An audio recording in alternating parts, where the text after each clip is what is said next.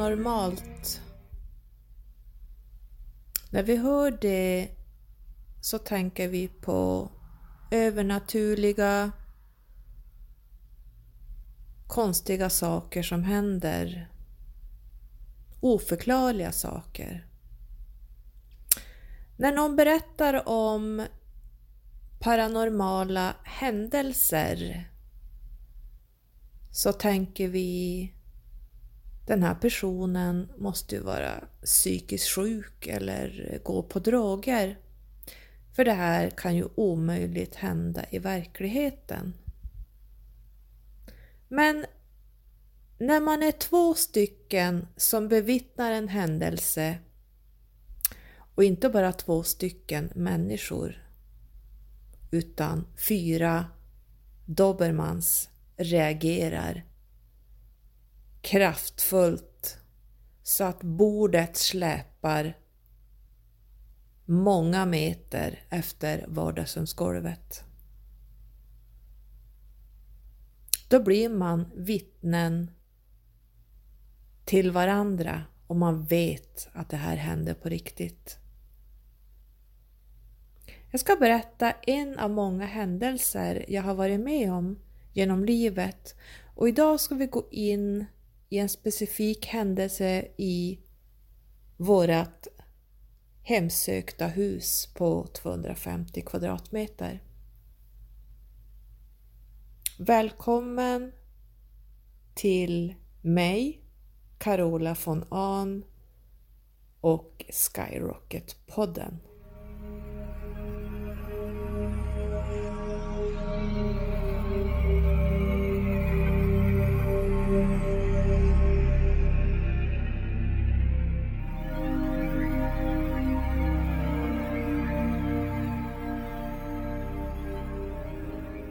Jag tänkte att när jag ändå är igång och pratar med, om mina hundar så tänker jag att jag håller kvar där i ett, ännu ett avsnitt innan vi börjar prata om lite tyngre saker och tack för alla frågor som ni skickar in. Det är jättekul. Jag tror jag har ett helt block här snart med, med saker jag ska ta upp på podden. Eh, jag ska bara bestämma lite grann var jag ska börja. Men idag ska vi prata om eh, det här huset som vi köpte år 2000. Det var ju så att vi var ju en liten familj med eh, två vuxna, två barn och vi hade lite hundar hemma och vi hade då en insatslägenhet eh, ganska nära stan. Och det var ju en liten plätt på framsidan och baksidan och eh, det blir lite jobbigt att ha så här aktiva hundar i ett bostadsområde så att eh, vi behövde mer space helt enkelt. Så vi hittade det här huset tre kilometer utanför stan. Det var stort. Det, var, det hade tre våningar. Och eh, det var på, om jag inte kommer minns fel, så, så var det runt 250-300 kvadratmeter stort. Och det här huset hade en gång i tiden varit en ICA-affär om jag inte minns helt galet här. Eh, tre månader innan visningen, eller när vi skulle gå på visningen, det var alltså tre månader innan vi flyttade in. Så skulle vi gå ner i källaren, alltså på det lägre planet och där nere fanns det ju allt möjligt. Det var tvättstuga, det var förråd, det var allt möjligt. Det var mm, någon form av eh, gästrum. Det var väldigt stort. Eh, det var inrett på undersidan lika stort som, som eh, övriga huset. Och där nere var då tvättstugan som jag skulle gå ner och titta på. Och år 2000 så var man ju inte alls uppvaknad utan man gick ju som andra sovande tredimensionella människor eh, omkring i sitt huvud, sina tankar, det man kunde se och ta på. Men eh, när jag gick ner för den trappen så känner jag en närvaro. Och här kan vi prata klärkännande, clairsentence. Och eh, jag kände ju att någonting var närvarande där nere i källaren. Jag minns att jag blev inte rädd överhuvudtaget. Men jag kände att det var någonting där. Och eh, jag gick omkring där nere och jag tror jag sa till min sambo att känner du vad som, det är någonting här nere, sa jag. Och jag kommer inte ihåg vad han svarade men eh, när vi väl flyttade in så ingen av hundarna gick ner dit. De vägrade gå ner. Vi flyttade ju in då tre månader senare i det här gigantiska huset. Och det var smällkallt mitt i vintern. Jag tror det var januari, februari någon gång. År 2000. Och eh, det var ju mycket som skulle fixas i det här huset. Jag skulle ju, eller vi skulle ju renovera köket, vi skulle göra en massa saker. Eh, på nedervåningen var det ju en hall och så var det ett gigantiskt kök på 60 kvadrat. Och så fanns det ett hundrum och så fanns det ett kontor. Det fanns eh, en dörr och trapp ner till undervåningen. Det var eh, ganska eh, stora ytor där nere. Och första nätterna där, eller när vi hade börjat bo in oss, och vi hör varje kväll hur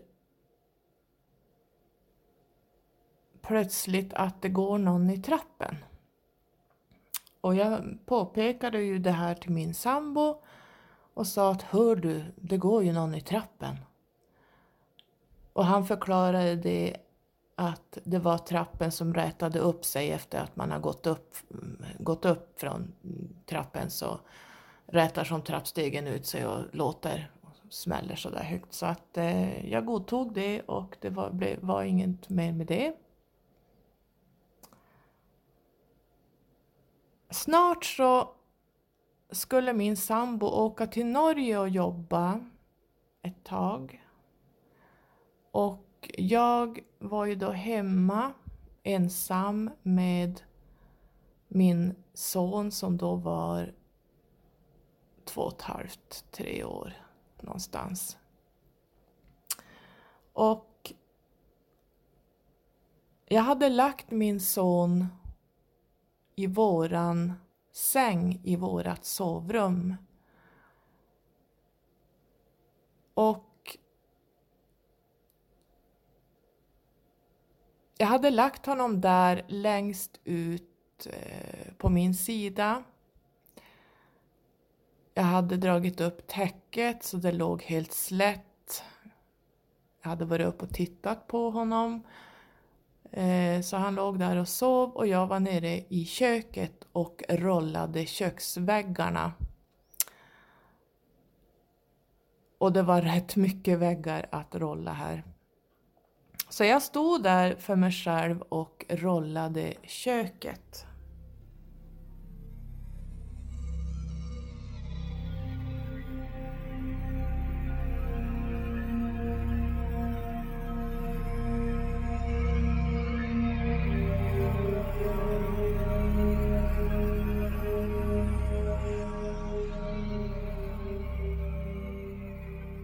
När man står där för sig själv och rollar så är du ganska tyst.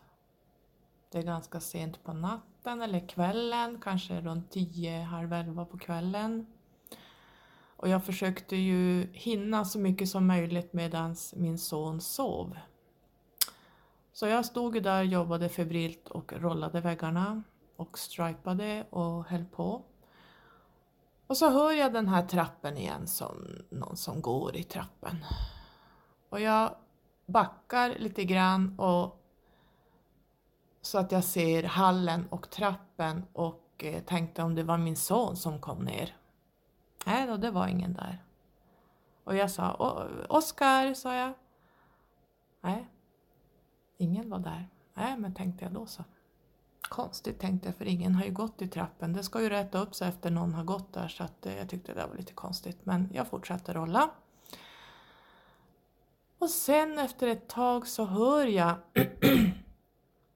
hur min son kliver upp på övervåningen där, där han sover i vårt sovrum. För då tror jag, jo, då hade vi sovrummet eh, väldigt nära trappen.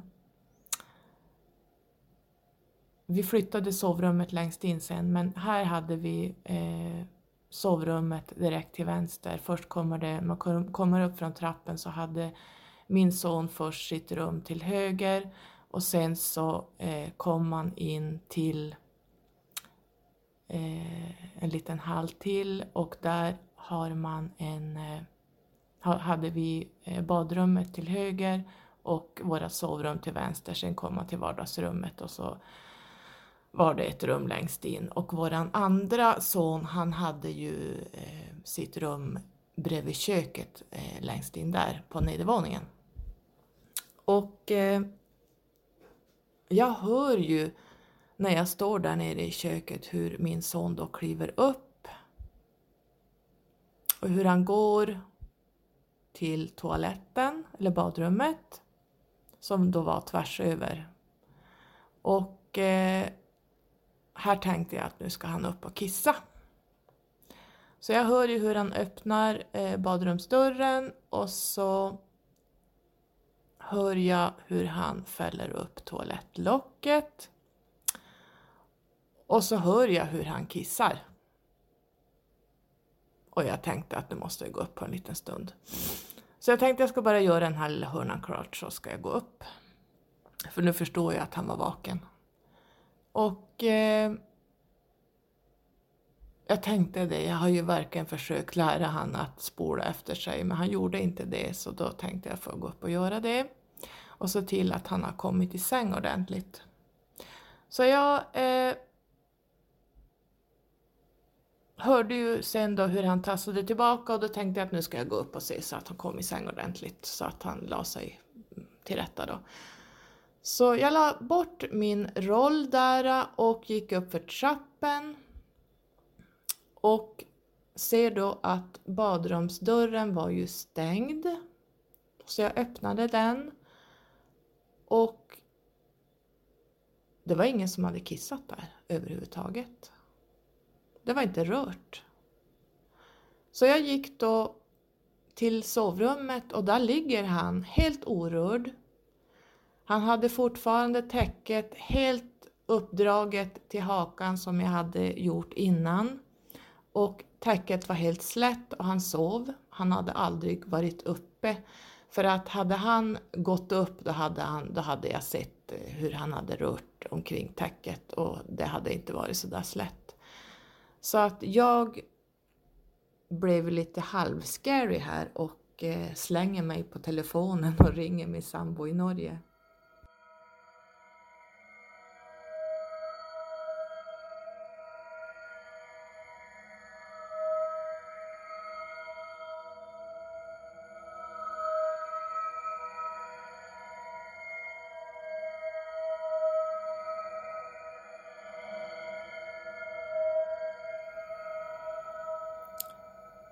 Veckorna gick eh, och eh, vi sitter nu eh, i vårt jättestora vardagsrum på övervåningen. Min son ligger och sover i sitt rum nära trappen. Eh, min sambos son, det vill säga min bonusson, var hos sin mamma så han var inte ens hemma. Vi sitter och ser TV i soffan. Våra hundar, alltså våra dobermann, ligger och sover utfläkta alla allihopa under vardagsrumsbordet. I alla fall två, tre stycken av dem låg där under. Eh, de ligger på sidan och sover allihop. Och vi sitter helt lugnt och ser TV. Plötsligt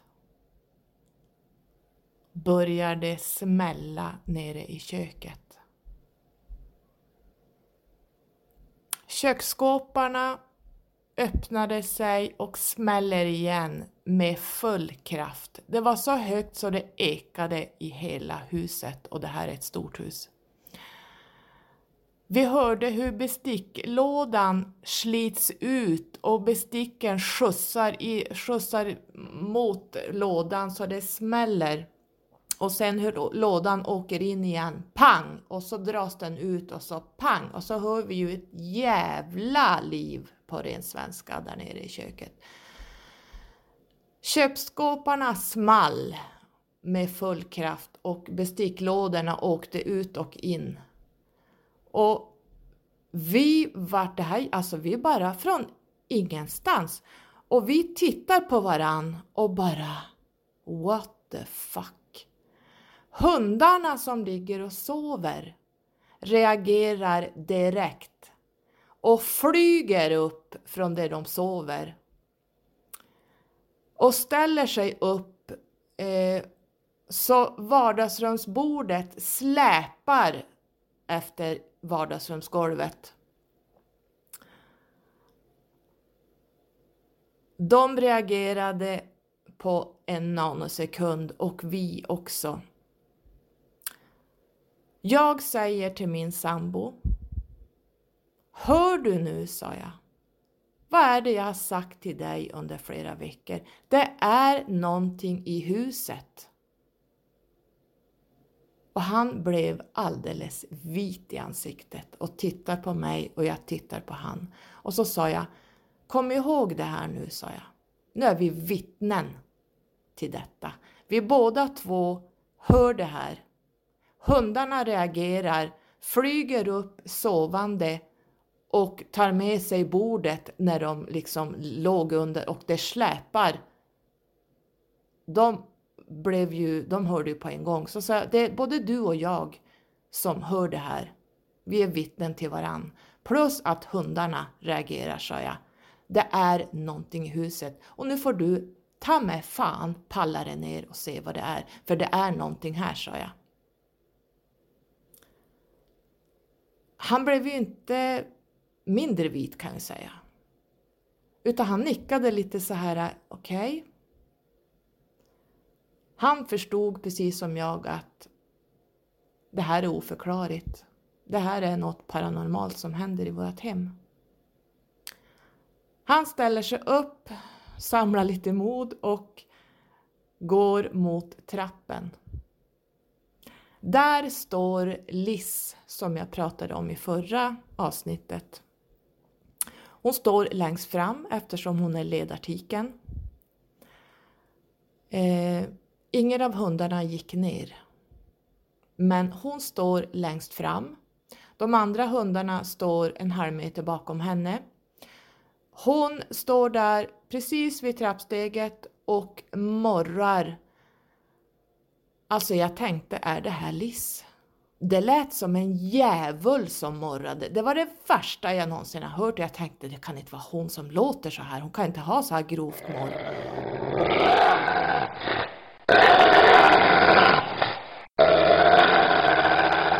Nu var det allvar och hennes ragg, alltså den stod säkert en decimeters bred och stod rakt upp. Hon hade som en kam hela vägen.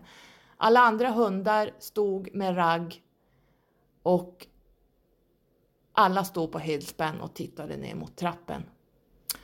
Eh, ingen gick ner. Så min sambo föste undan hundarna och började gå nerför trappen.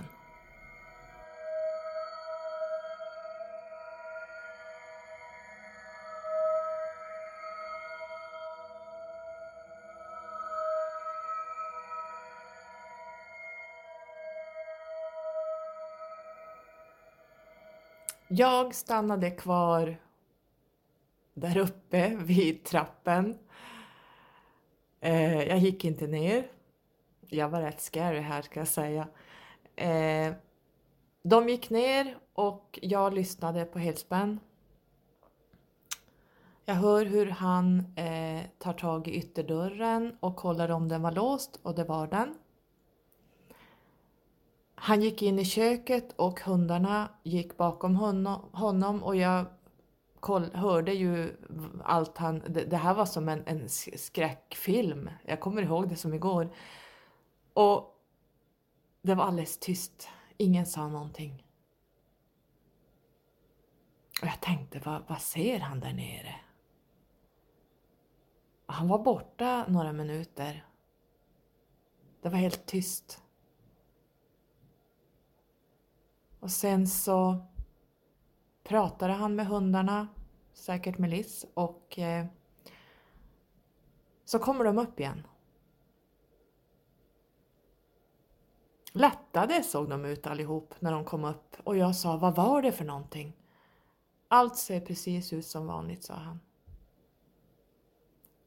Och vi tittade på varandra länge. Vi satte oss i soffan igen. Ingen sa någonting utan det var liksom, ja. Det hände på riktigt. Vi var vittnen till varann.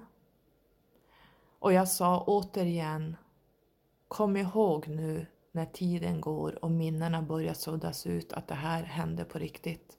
Och han nickade. Och vi kom väl överens om att vi inte skulle prata med någon om det här för att eh, vem skulle tro på det här? Men eh, paranormala saker händer även inne i vårat hus, i en helt vanlig familj.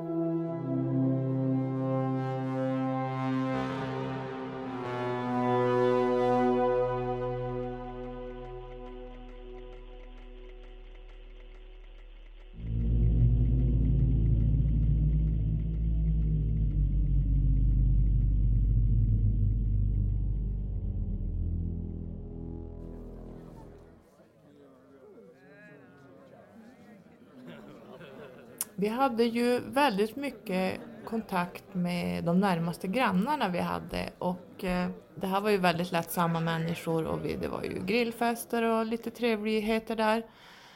Och eh, en kväll så satt vi där ute och, och, pratade och drack lite vin och surrade och så sen börjar vi kom in på vårt hus och så säger eh, den här kvinnan som då var granne att eh, du vet väl om att det har varit mycket händelser i ert hus? Och jag och min sambo tittar på varandra som att eh, nej, eller hur? Vad då säger vi? Ja, det bodde ju en pastor där innan. Ja, innan de vi köpte huset av. Och eh, han kunde inte bo kvar i det här huset för han sa att det var så mycket aktivitet där att det, det gick inte att bo kvar där.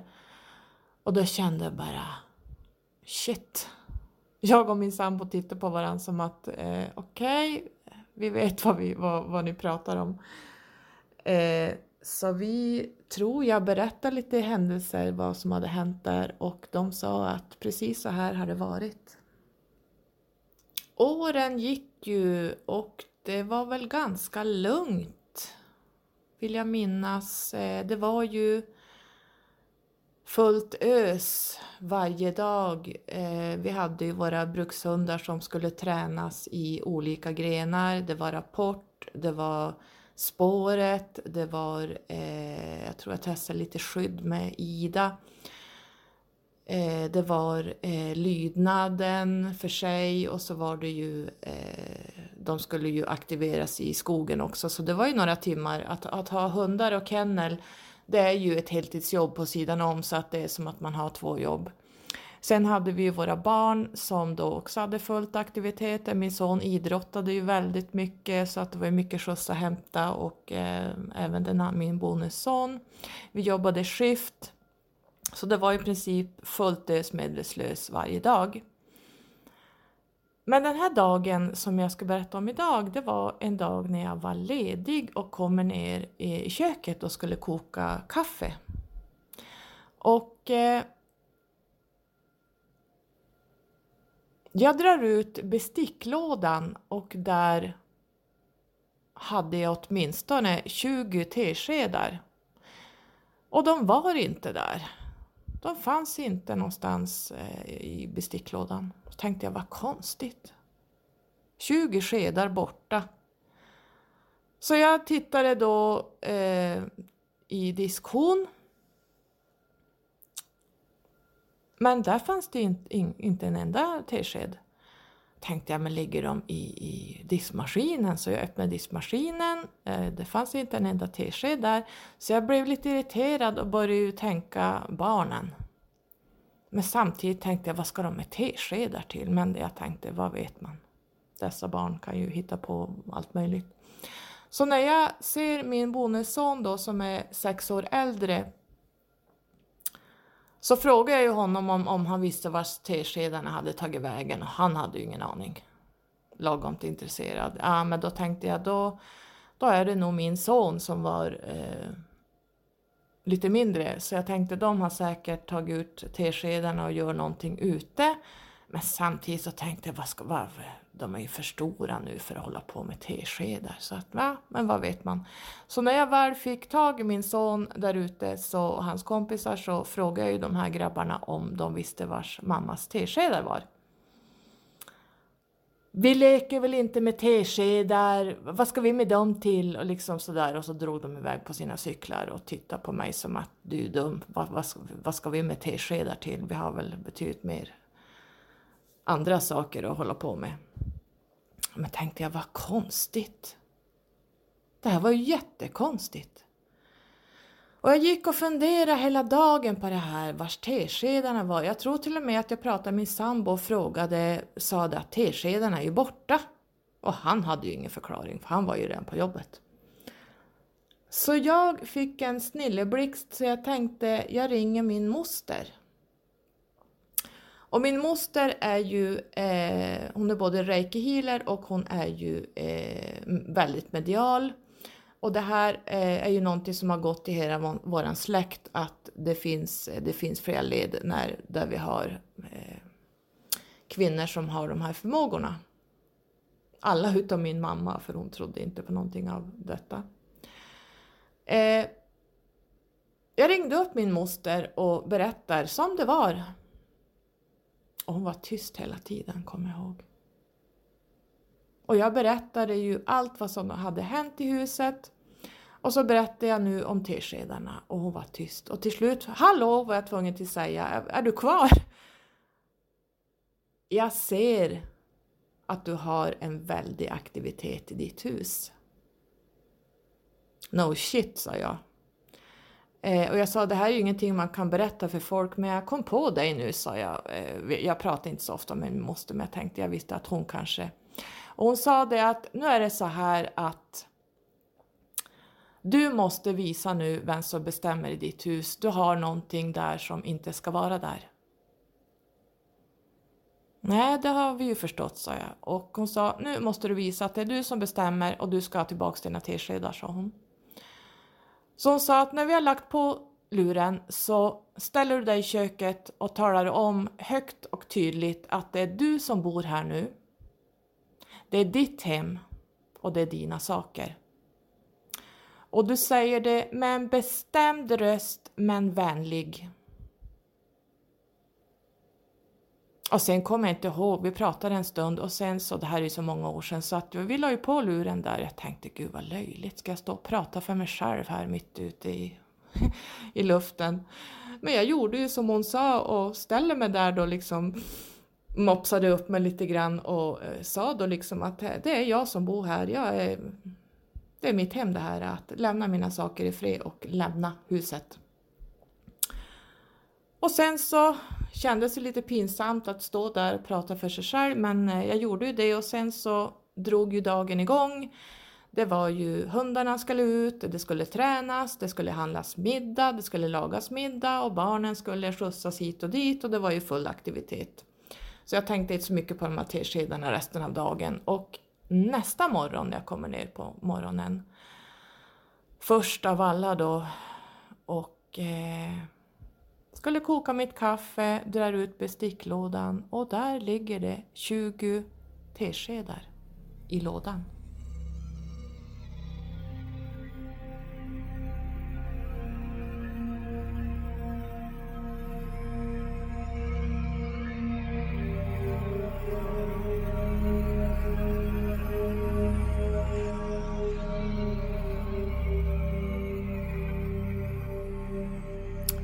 Följande år som vi då bodde kvar i det här huset eh, blev det helt lugnt efter det här och eh, till och med när jag gick ner i källaren för att, eller på under, lägsta planet så för att tvätta eh, ja, man hade ju massa sysslor där nere, så kände jag aldrig mer den här närvaron som jag först kände när vi var på visningen. Den försvann. Och jag tror att min moster hade nog lite fingrar med i spelet här. Ehm, jag tror nog hon hjälpte till att få bort den här entiteten som var eh, i vårt hus. Och eh, jag var ju helt okunnig på det här området på den tiden men jag är nog ganska säker på att det var kanske inte bara mina ord som fick bort det här vi vet att det krävs betydligt mer eh, saker, kunskaper för att få bort sådana här entiteter. Och jag är jättetacksam för att min moster gick in och plockade bort det här eh, som hade stört oss i många år. Så att eh, det, var, det, var, det blev lugnt.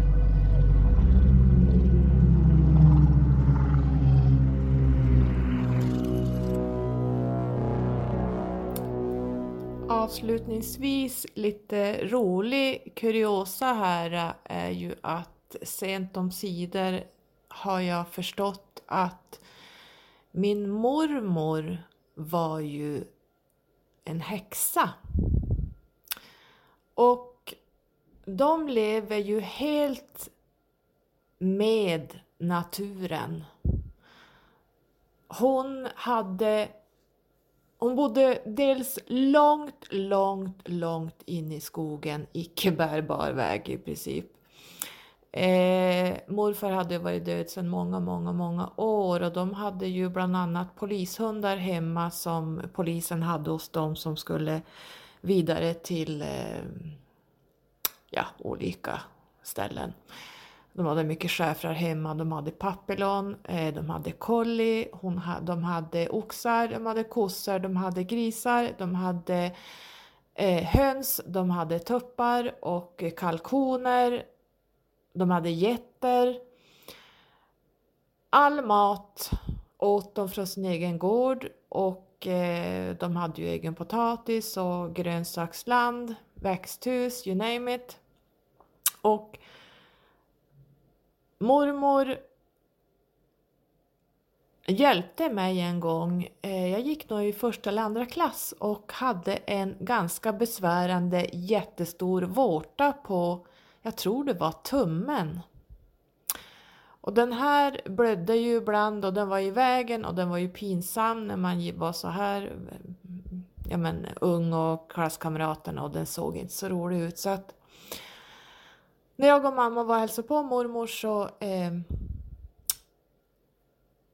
började vi väl prata om den där vårtan och mormor går och hämtar ett ullgarn och lindar det runt vårtan och säger någon konstig ramsa och så. Jag tyckte hon såg lite konstig ut. Och så säger hon när hon var klar med det här att eh, nu ska vi ta den här ullgarnet eller vad det var för någonting och så ska vi gå och eh, gräva ner det i skogen, i jorden. Och när det här har ruttnat upp och förmultnat då är din vårta borta. Och min mamma sa, men sluta liksom, hallå. Men eh, jag tyckte, ja men jättebra. Och tro det eller ej så det gick inte länge så helt plötsligt ser jag och upptäcker att vårtan faktiskt är borta. Så mormor hon var någon form av trollgumma. Eh, min moster som fortfarande lever är ju eh, väldigt medial och eh, eh reiki healer. Min mammas och min mosters kusin Gig som har bott eh, större delen av sitt liv i Spanien hade mycket konstiga saker för sig. Hon var ju, eh, höll på med trollbord. Och jag har sett saker med egna ögon och det är absolut ingenting man ska hålla på med. Alla saker som flyttar på sig och där man får kontakt via sådana här grejer är onda väsen. Men de manipulerar dig att de är goda. Det här kan vi ta upp i ett annat avsnitt, men håll er borta från allt vad trollbord bord och eh, anden i glaset, det är precis samma entiteter man får tag på. Så att det här är väldigt låga energier, det här är astrala väsen, det här är demoner, det kan vara poltergeist, sånt här vill ni inte ha in i era hem. Eh, hur spännande den verkar, eh, men det är absolut ingenting man ska pyssla med. Vi kan prata om det och min eh, mammas kusin som har hållit på med det här eh, en annan gång. Sen är ju jag då väldigt andlig och medial och även så har jag hittat en tremänning för, är det två år sedan nu? Som också är reiki healer och hon är enormt andlig och eh, medial. Så att eh, det här är ju jättekul att det går, på mammas sida finns det här i alla led. Så att eh, det, det tycker jag är lite spännande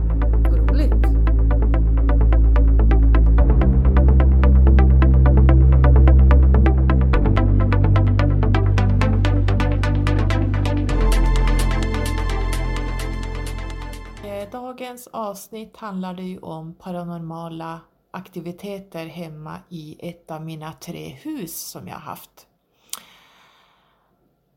Det pausade ju några år nu. Jag har, hade nu, har nu separerat och bott ensam ett tag.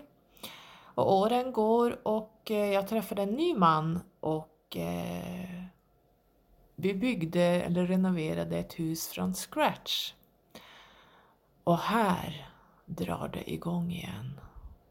Än värre än någonsin.